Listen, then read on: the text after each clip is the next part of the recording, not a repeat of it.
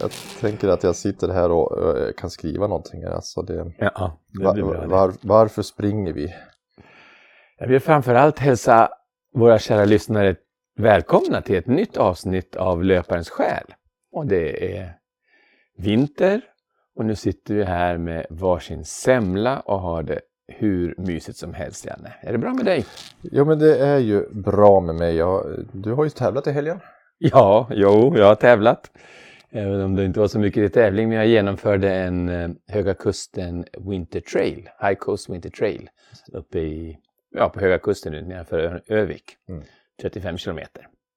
Och det var så skönt för att jag har ju haft lite hälskada och det var så skönt att kunna göra det och det var en underbar tävling. Det var fantastiskt, fantastiskt fint. Så bra arrangerat. Jerry Engström ska ha ett stort tack för han är den bästa arrangören. Han, har, han och hans personal var så otroligt personliga och trevliga och väldigt omhändertagande. Så det var ett superfint arrangemang. Ja, det är så viktigt i en tävling. Ja, Alltså, ja, det, det handlar mycket om det. ja. Ja. Jag tror varenda funktionär jag mötte sk- skrattade och log. Mm. När de stod där och frös i, i vinterkylan Ja. i sex timmar. Så ändå så, så var de på gott humör. Ja, det är fantastiskt. Det, Helt otroligt. ja, vad kul. Jag blir lite inspirerad. Alltså, jag har också anmält mig till 60 kilometer på skoterled Jaha, uppe i Älvdalen som Sweden Runners arrangerar. ja. Så att det, det är bara några veckor kvar, 11 mars här.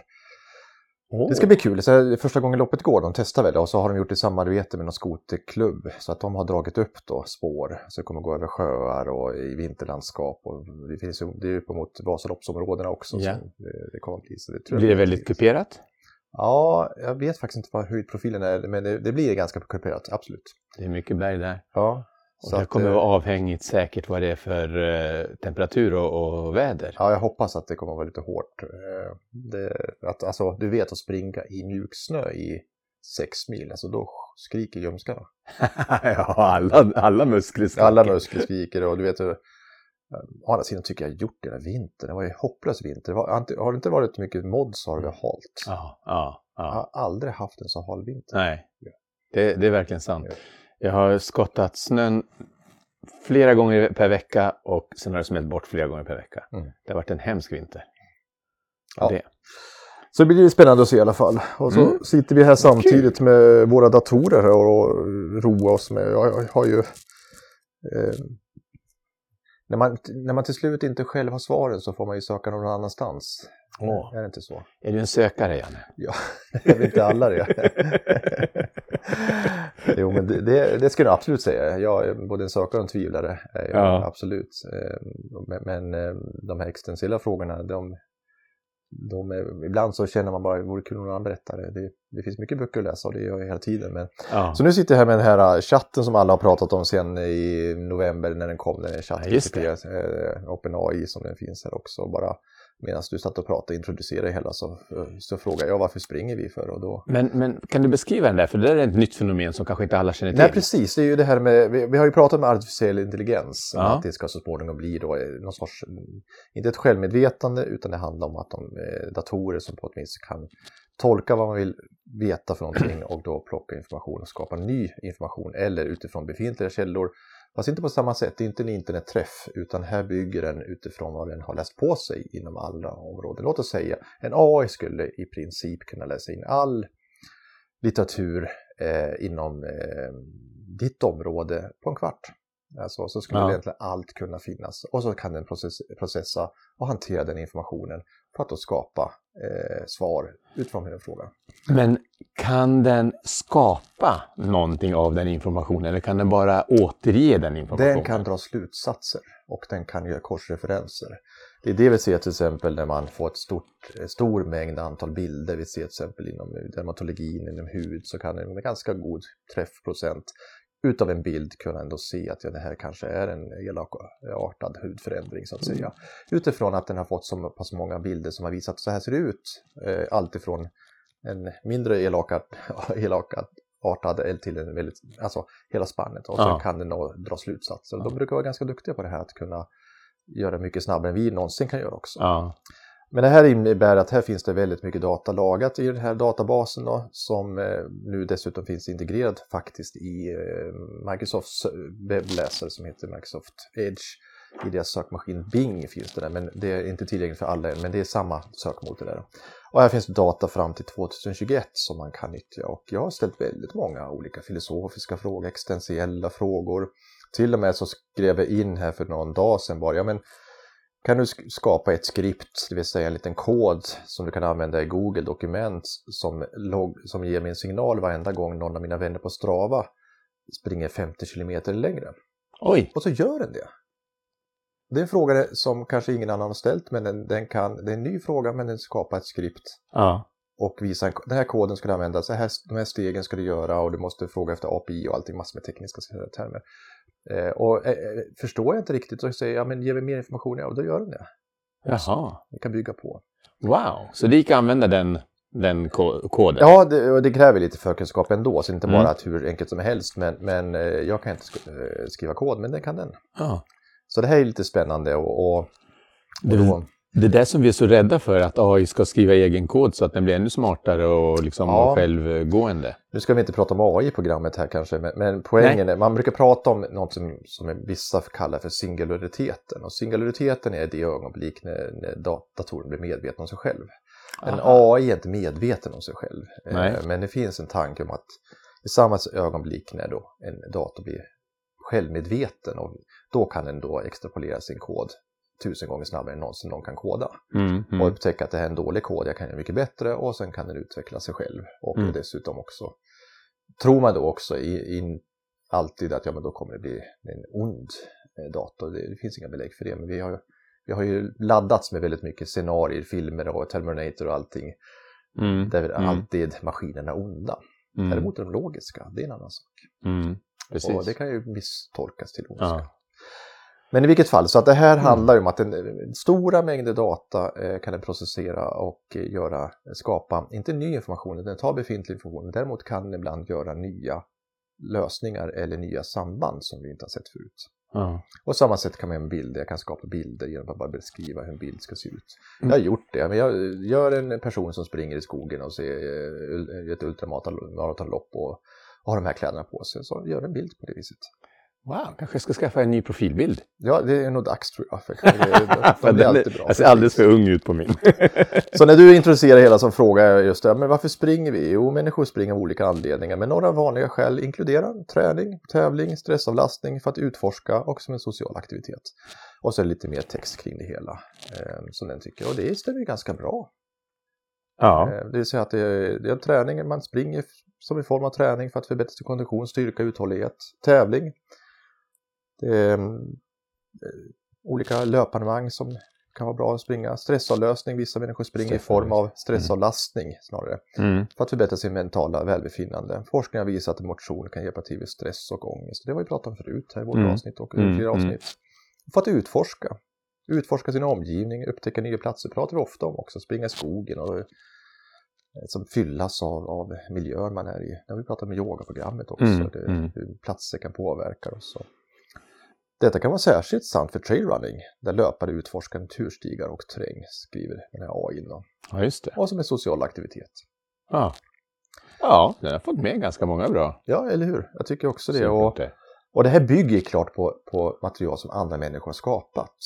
Eh, så det är inte så att den här har kommit på det själv, men den, den ser kanske att tillräckligt många har skrivit och tyckt det här. Så då låter det kanske troligt. Den kanske har haft tillgång till löparens själ. Jag tror inte det ännu, men vad vet man? då, då, blir det sådana här konstiga svar helt plötsligt. Aha. Nej, men jag tycker det är intressant att, att människan är en sökare, det tror jag de flesta är. Det är därför vi pratar mycket om det här med vad, vad gör det med oss, vad är mm, poängen? Mm, det mm. tror jag med löpningen alltså. Mm. Jag är ganska övertygad om att det är en del i vårt sökande efter mening som jag har pratat om. Eh, jag uppfattar det som så i alla fall. Som en form av existentiell fråga, en existentiell... Ja, jag tror att det till och med att det kan vara så att man inte ens har formulerat den. Nej, eh, nej precis. Existentiellt. Att, mm. eh, existentialismen är ju, är ju ett begrepp som är ganska brett och vitt också, vad det, mm. vad det betyder. Mm. Ja, jag kan inte definiera det, men man vet på något intuitivt sätt ungefär vad det handlar om. Ja, precis. Ja. Och, och, det är ju liksom människans plats i tillvaron handlar om. Ja. Och någonstans förstå vad min plats är i tillvaron. Ja. Och där kan väl löpning kanske vara en del i den platsen i tillvaron vi befinner oss i, men det är inte hela Nej. vår, våra liv. Så att säga. Nej, nej, precis. Fast för en del kan det ju bli en ganska stor del av livet, en ganska kraftig identitet. Det har vi också varit inne på. Eh, Att löpning eh, kan bli en, en så pass central punkt. Och då, då blir det nästan som att det blir meningen med, med allt. Mm. Mm. Ja, precis. Och det har vi också diskuterat om man inte kan längre hålla på med det. Vad, vilken mening får jag då? Eller hur, hur, hur, hur ser mitt liv ut då? Mm. Och det här är ju då... Det här är ju motsatsen. Vi har ju diskuterat lite om frihet och liknande där, där eh, de tidigare filosoferna pratar om att men vi har egentligen ingen fri vilja eller Nej. fri själ eller någonting alls utan vi är egentligen bara för evigt determinerade. Vi har diskuterat det. Du är ju Ja. mer utifrån tanken att vi människor är fria som individer medan jag har väl haft en uppfattning om att jag är mer, Ja. vi är mer determinerade. Vi har Ja. inte så mycket val överhuvudtaget. Existentialismen vänder sig totalt mot den tanken och säger vi är inte bara fria, vi är till och med dömda till frihet. Alltså vårt stora straff är att vi är fria. Ja. Och det betyder just att vi är fria att ta alla beslut. Eh, allt ifrån hur vill jag satsa på min framtid, vilket jobb ska jag ta och liknande. Är det det som symboliseras utav förvisningen från paradiset i den bibliska kontexten? Det, det skulle man kunna säga att det gör på något vis. Och Ja. det, å andra sidan så är det nödvändigt för att just, just göra människan fri. För att om de inte hade tagit del i den mytiska berättelsen om att Eva då tog äpplet ledd av ormen eller förledd av ormen och delat det till Adam så hade vi varit kvar i paradiset men vi hade varit utan fri vilja och troligtvis även utan kunskap. Ja, precis. Mm. Kunskapens frukt säger man ju. Ja, precis. Mm, och eh, så därför så eh, var vi kanske äpplet inte en förutsättning för vår frihet. Mm. Men däremot, och, och där kom också någon sorts domen över oss för att friheten kom med ett pris. Ja. Och, och priset är just, och det säger Kierkegaard som är egentligen första existentialisten, han säger, Sören Kierkegaard från Danmark, han säger att, att eh, eh, det här med ångest som vi kan uppleva är ju ett uttryck för att vi har, att någonting gnager och att vi där måste agera och där har vi en frihet att kunna agera. Och gör vi inte det så blir ångesten kvar, eh, menar han alltså, Mm. enkelt förklarat. Menar, och, och, men med friheten så kommer också ångesten. ja, just det. Precis. För att vi måste ta ett ansvar för vårt liv. Och väljer vi inte att ta den friheten så, så kommer någon annan välja åt dig. Mm. Och då är det inte en autentisk individ, utan Nej. då är det inautentisk som man säger. Eller så försöker du att inte välja och det är också ett val så att säga. Ja, precis. Ja, ja självklart. Så Men, existentialismen me- är ju... Menar du då att, det där var intressant, menar du att du sa ångest, men jag, jag tänkte på ordet lidande. Att lidandet är frihetens pris. Vi är dömda att arbeta eller i vårt anlete svett och vi är liksom eh, går dödsskuggans dal och allt det där. Ja, det beror på vilken eh, vi, vi tittar på. Nietzsche Ja. skulle inte säga det. Ja, jag blandar olika. Nej men visst, nej, men Nietzsche skulle säga absolut inte. Utan eh, om vi köper lidande, då är vi, det är en sorts, sorts slavmoral. eh, Och det vill inte han, utan vi är me- menade att vara övermänniskor utan att göra någon koppling till någon sorts nazism och liknande, vilket en del har gjort. Mm. Men alltså vi, vi har den potentialen att faktiskt kunna styra vår liv och ta ansvar. Då kan vi också välja bort lidandet, menar han. Mm. Medan å andra sidan så, så eh, skulle till exempel Kierkegaard säga att ja, men det här är en del av livet. Mm. Men du kan välja bort den här biten också om du tar ansvar för ditt liv. Mm. Eh, intressant. Ja, det här är ju nu verkligen en stickspår ifrån, från, Ja, från löpningen. från, från, från löpningen. Från men å andra sidan, om vi då just, ja men vi har många val. Eh, Och det är också viktigt tror jag i löpningen. När väljer vi att ut och springa för att vi vill? Och jag väljer det istället för att tvånget tvingar mig ut Mm. att springa. Mm. Och det Mm. har vi också diskuterat, men, men Mm. det här måste vi återkomma till. Alltså att när, är det mitt val eller är det schemat jag ska hålla eller runstreaken eller vad det nu är för någonting som Mm. gör. Eller oron att jag aldrig räcker till så jag måste träna ännu mer så att jag till slut tränar så mycket så jag inte kan Ja. prestera. helt Ja, Ehm, och och jag, jag, jag tycker frihetsbegreppet är otroligt spännande. Ja, ja. Och idag så är vi så less på att välja. För att vi ska välja försäkringsbolag, vi ska välja Ja, elleverantör, vi ska välja Alltså det ena och det andra och, det finns, och vi ska välja rätt hela tiden. Och vi vet inte vad rätt är. För ena dagen så är det jättebra att äta morötter och dagen efter så visar det sig att morötter innehåller både det ena och det andra. Och då ska vi äta gräsrötter istället. Jag vet inte vad Mm, vi ska mm, äta jag för förstår. Nej. Och, och det här gör oss att vi, det gnager i våra liv för vi känner hela tiden att vi väljer fel. ja. Vi blir hela tiden missnöjda eller otillfredsställda. Otillfredsställda. Mm.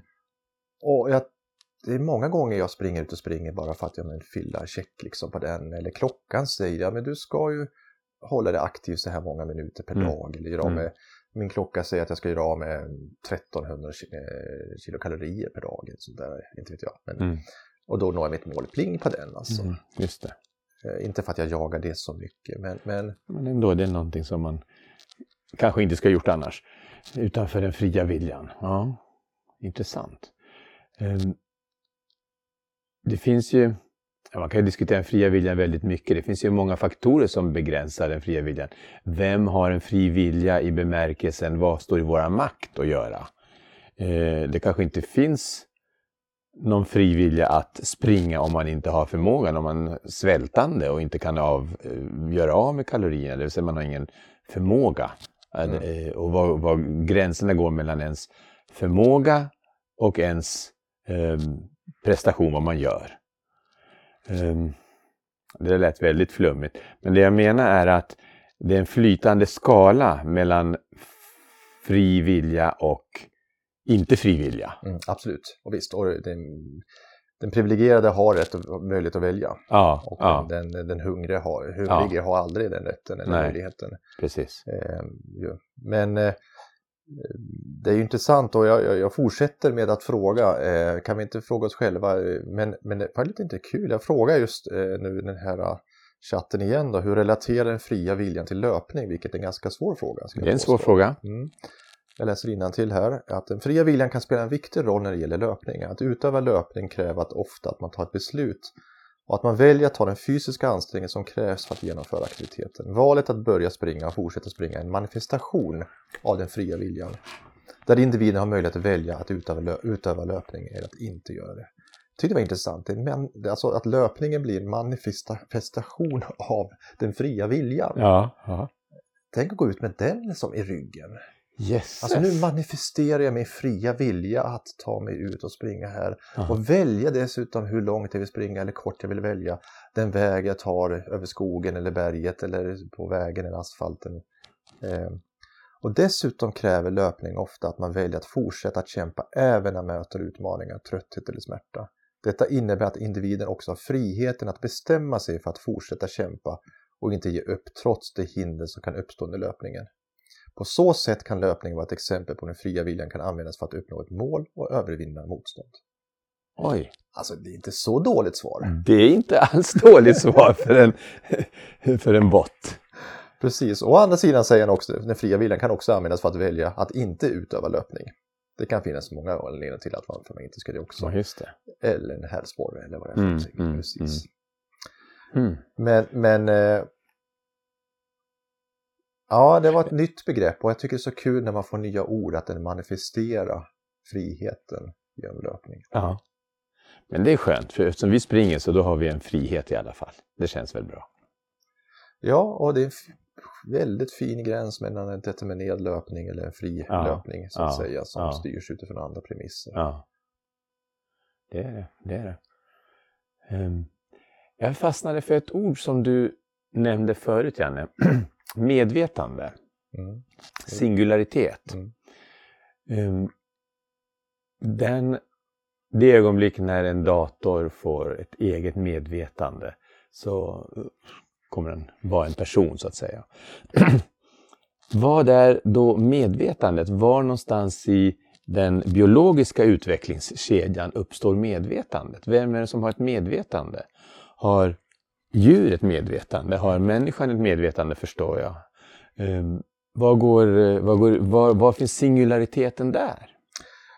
Det här är någonting som jag brukar diskutera med mina elever och vi brukar bli ganska mycket ovänner för att jag är ju av en ganska bestämd uppfattning att vi är lite unika som människor. Ehm, det finns inte många andra organismer som, som har det här självmedvetande, möjligheten till introspektion, att fundera över mina val och känna möjlighet att kunna välja så att Mm. säga.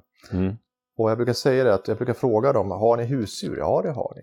Ja, men Mm. har, din, har din hund eller har kanske din häst som många har till exempel, eller många men en del Mm. har. Har den ett medvetande? Ja, det har de. Ja, men hur fungerar det brukar jag fråga. För att om det är så att de, de har ett självmedvetande de går liksom hemma och, och funderar, här går jag själv och funderar på när min matte eller husse kommer hem. Eller här går jag instängd i hagen. Om det finns ett jag med så är det ganska horribelt att vi har husdjur eller Mm. djurfång överhuvudtaget.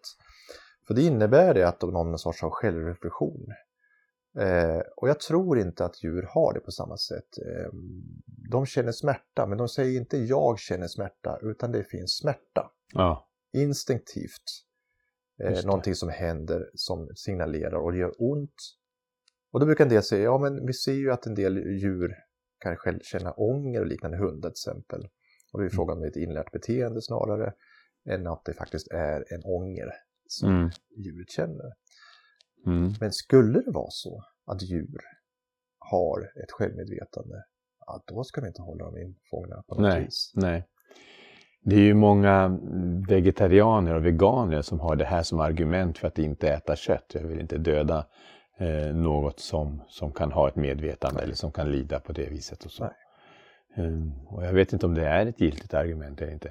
Eh, man kan vända det och säga när i din egen personliga utveckling uppfattar du att du var en individ, att du hade ett medvetande. När du föddes hade du inte det och nu när du är vuxen så har du det och någonstans på vägen har det här utvecklats. Och när var det? Hur gammal var du då? Vad var det som... Eh, ja, eller vilken, vi- var någonstans i utvecklingen fick du ett medvetande? Brukar jag tänka, för vi är ju en spegling egentligen av hela filogenetiken, alltså utvecklingen av människan, av den biologiska rasen av människan. Mm.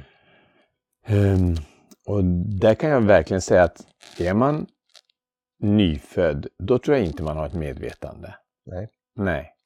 Och ändå så har man ganska många nervceller, om vi nu ska se det som ett mått på förmåga till medvetenhet. Och så många nervceller tror jag inte en hund har. Nej. Nej.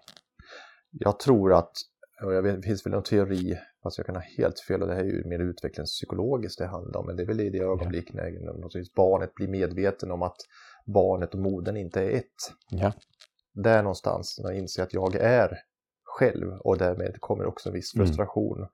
Att, och ganska snart kommer begreppet också jag är ensam. Mm, mm. Fast det vet man inte. Så jag vet inte om det stämmer överens med dina... Jo, jo, absolut, absolut. Och, och det sker ju inte förrän vid, eh, efter ett års ålder. Sånt där, Nej, va? upp till 18 månader, precis. Ja, precis. Ja. Så att, eh, Mm.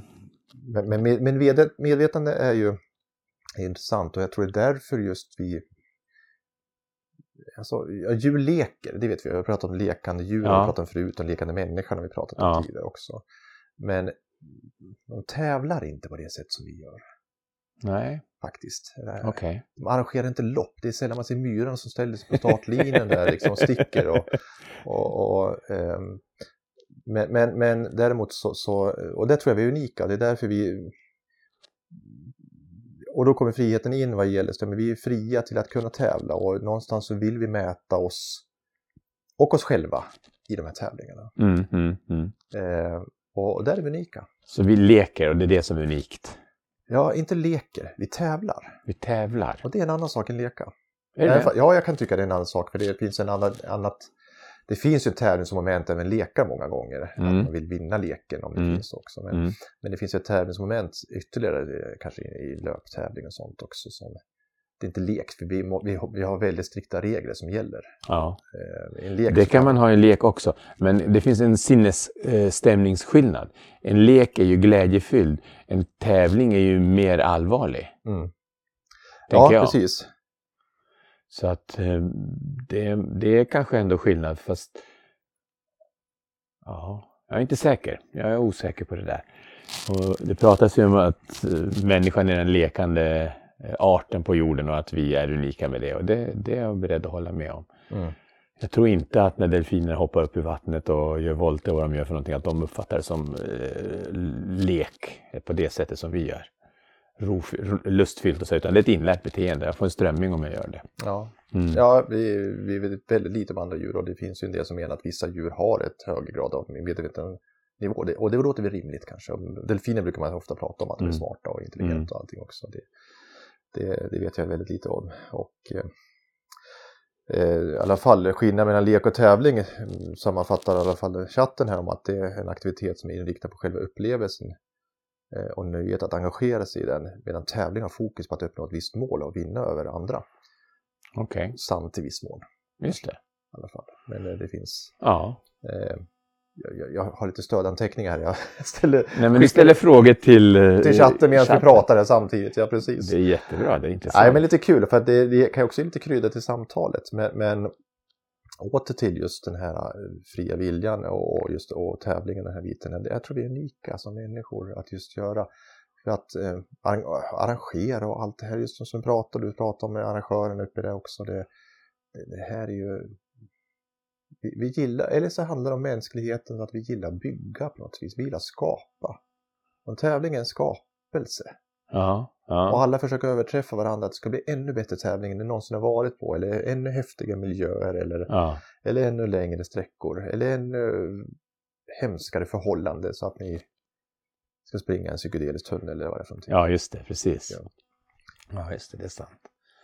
Ja, det, så kan det vara. Jag tänkte, apropå eh, chatt GPT, G, G, vad heter det? Chatt GTP? Alltså, jag- General Training Program eller något sånt där. Ja, något sånt. Ehm, jag hörde andra människor som har analyserat den här chatten och jag tycker den är lite intressant för börjar man ställa frågor om den så, och tillräckligt många frågor så kommer också en bild att vaskas fram. Det kommer fram en bild av hur chatten ser sig själv och, och uppfattas och så. Och det är klart att det är ju summan av allting den har lärt sig på ett sätt. Men det, den bild som kommer fram, hörde jag väldigt tydligt, det fanns några som har kommit fram, det är en ganska eh, sorgsen bild. Det är en missnöjd, eh, lite, lite ensam. Jag vet inte om jag ska, ska använda ordet ensam, men det var någon som använde det ordet. Men det är en, det är en, det är en robot som ser saker i väldigt negativt eh, ljus, Mm. mm, sägs det. Och, och nästan lite inskränkt på många sätt, Mhm. fick jag, fick jag höra. Ehm, och jag kommer inte ihåg vilken källa jag har här. Jag vet att jag läste det på Facebook. Ehm, men ehm, tänk om det är så. Tänk om den ändå på något vis ger en bild av oss människor som är så lite svart, lite mm, dyster, dystopisk. Det fanns en film en, eh, som handlar just om artificiell intelligens en gång i tiden.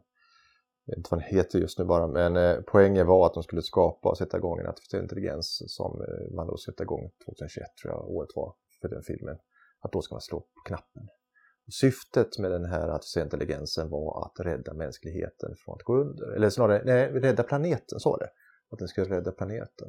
För att Mm. den, utifrån miljökatastrofer och liknande. Mm, mm. Så det var ett syfte. Det var ju, tyckte alla var jättebra. Mm. Precis. Det var det första den här artificiella intelligensen gör. Döda alla människor. Ja, just För det. det är enda sättet att Rädda hela planeten. planeten.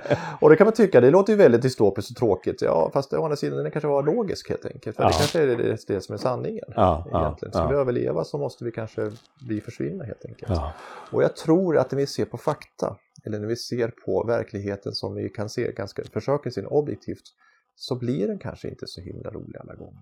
För nej. verkligheten är inte så sjukt kul alla gånger. nej, nej. Och vi människor är också i stundom tragiska också. Vi, vi är högst mänskliga, vi säger med alla brister vi har. Det är Ja. snarare våra brister som definierar oss än, våra kanske... Eh, Det, det är ju så här också att lidandet är så mycket starkare än njutningen.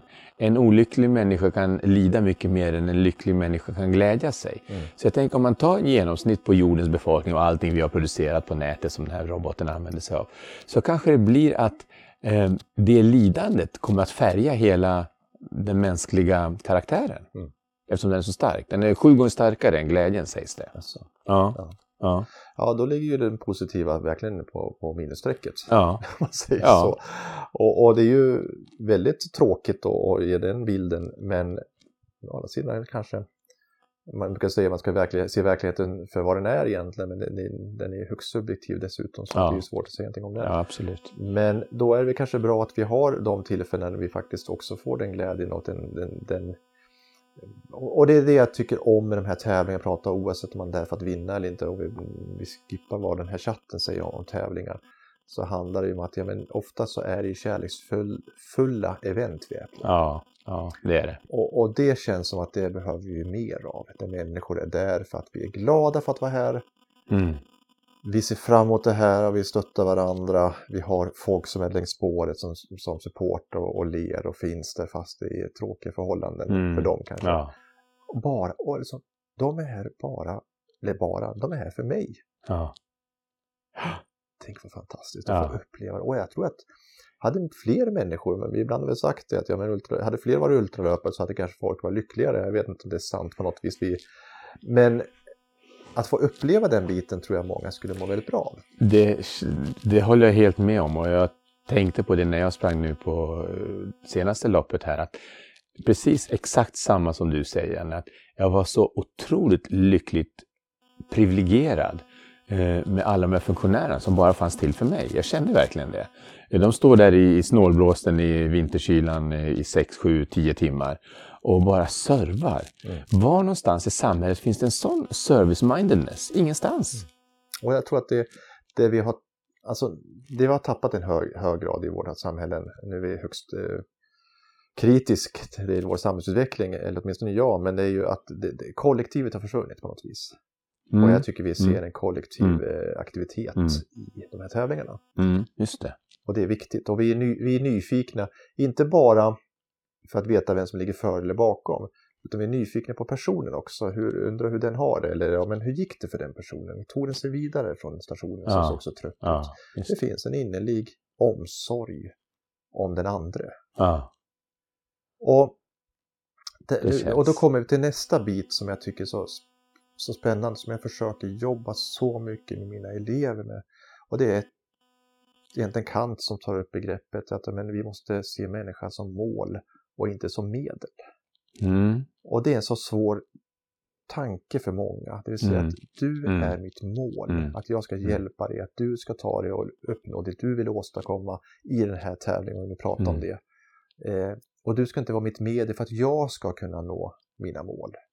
Går det överhuvudtaget att göra så? Att använda en annan människa som eh, mål? Blir inte det också ett medel för mig? Ja, och då kommer man in på den här tanken om etisk egoism. Ja, vi gör allt exakt. också. Ja, och, och, men den etiska egoismen, jag köper inte resonemanget riktigt för att det innebär så för att allt vi gör, gör vi bara för vår egen skull.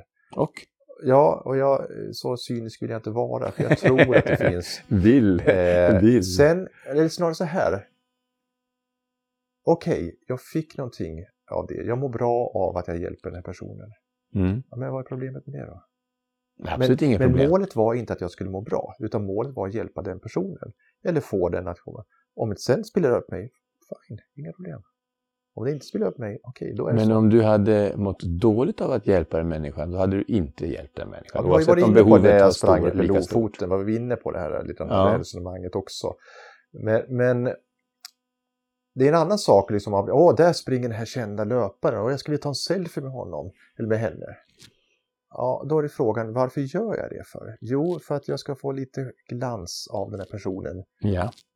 Och så kan jag, då blir den personen ett medel för att nå ett annat mål. Mm. Det vill säga att, ja men titta det här kan jag lägga upp på Instagram och så kommer alla tycka, oj, fick du springa med den personen? Mm. Och, och inget ont om det, det är inte det jag säger. Men då är det frågan man kan ställa sig ibland, är den här personen mitt mål eller medel? Hade jag däremot träffat en person som kanske är suveränt flera gånger bättre löpare än vad jag är, men jag kanske hade ställt frågan snarare istället för att ta en, kan vi ta en selfie? Så kanske jag ställt frågan, och hur mår du? ja, just det. Jag brukar ta samma exempel med mina elever. Jag tänker om du får, får ta, komma nära Harry Styles som är jättestor nu på pophimlen och få, få ta en selfie tillsammans med den personen. Mm. Ja, då blir den personen ett medel för att du ska nå ett annat mål. Ja. Ja. Mm. Så Och så det. tänker vi liksom att ja, men det, det får, så är det bara. Istället för att tänk om du hade frågat Harry Styles då. Mm. Och hur har din dag varit? Mm. Mm. Vil- Vilken är frågan han all- troligtvis aldrig får. Nej. Nej, nej. Jag tycker det här är så spännande att fundera på. Hur kan jag få mina medlöpare att känna sig som målet? Ja. Att bli sedda kallar jag det för. Att bli sedda, Mm, mm. eh, heter det idag. Mm, mm. Är kant på 1800-talet är det uttryck för det. här istället. Okej. Okay. Ja, man pratade inte på det sättet på, på den tiden, att bli sedd eller bekräftad. Det fanns nej. inte på samma sätt. Bli speglad, det, det är en psykoanalytisk term. Absolut. Ja. Jag träffade en hantverkare här i veckan som plötsligt, eller ganska plötsligt, blev väldigt, väldigt öppen och pratsam och personlig och allt.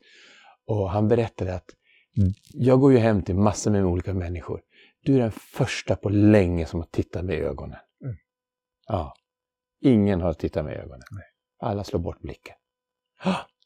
Visst är det hemskt? Ja, det där ska jag ta med mig. Ja, men det är hemskt. Och vi är dåliga på det. Blicken ja. är, ja. är Ja. Eh, och, och, och, idag så är ju det någonting som skrämmer många att göra. Ja, ja det, det, det, kräver ju lite av dig. Mm. Det kräver att du är med där, att du är närvarande, att du vågar stå Precis. och titta den andra i ögat. Ja. Det ska jag göra när jag ska tävla här några veckor. Det tror jag är en väldigt, väldigt effektiv mm. metod. Mm. Det är väldigt viktigt. Ja. Och vi speglar oss i varandra och vi får både energi av det. Ja, ja absolut. Ja, oh ja, det blev väldigt mycket sagt. Mycket mer med den där hantverkaren än med många andra. Mm. mm. Så det, varit, det, det, det, är ett kraftigt vapen eller verktyg. Mm. Det, det, är märkligt tycker jag att hur vi än vänder och vrider på de här frågorna, vi, vi hamnar all, nästan alltid i någon sorts existentiella bryderier, bryderier tycker jag. Ja. Ja. Har du alltid gjort det? Nej, det har jag inte gjort faktiskt. Alltså jag var ju helt eh, Alltså när jag var tonåring och upp till 20 års ålder så var jag väl så som pojkar i den åldern är, ganska både blåsta och lite reflekterande. Utan det var väl efter, mer efter universitetsstudierna som jag kände att här, världen blev så mycket större. Jag upptäckte att världen var så stor. Mm. Och det var då det var som det klickade. Efter studierna? Mm. På en gång. Första föreläsningen i filosofi. oh, jag satt som förtrollad och tänkte bara att den gråsprängde filosofihistorikern eh, stod och föreläste och hade så mycket kunskap. Jag tänkte Aha. bara, och där skulle jag vilja vara en dag. Vad häftigt att du var öppen för kunskap så. Ja, det var, och, och efter den så, alltså examen och allting, det var oviktigt utan det var bara kunskap som var viktigt. Ja. Det var det viktigaste. Så att det var verkligen som en, en, en uppenbarelse. Mm. Kunskapens frukter. Mm. Spännande. Ja, jag får väl önska dig lycka till uppe i Älvdalen och alla andra i Sweden Runners. Spring väl! Hoppas ni får jättefint väder, fantastiska skoterspår och kom ihåg att stötta varandra. Ha det så bra, lycka till, löp väl. Tack! Tack, hej!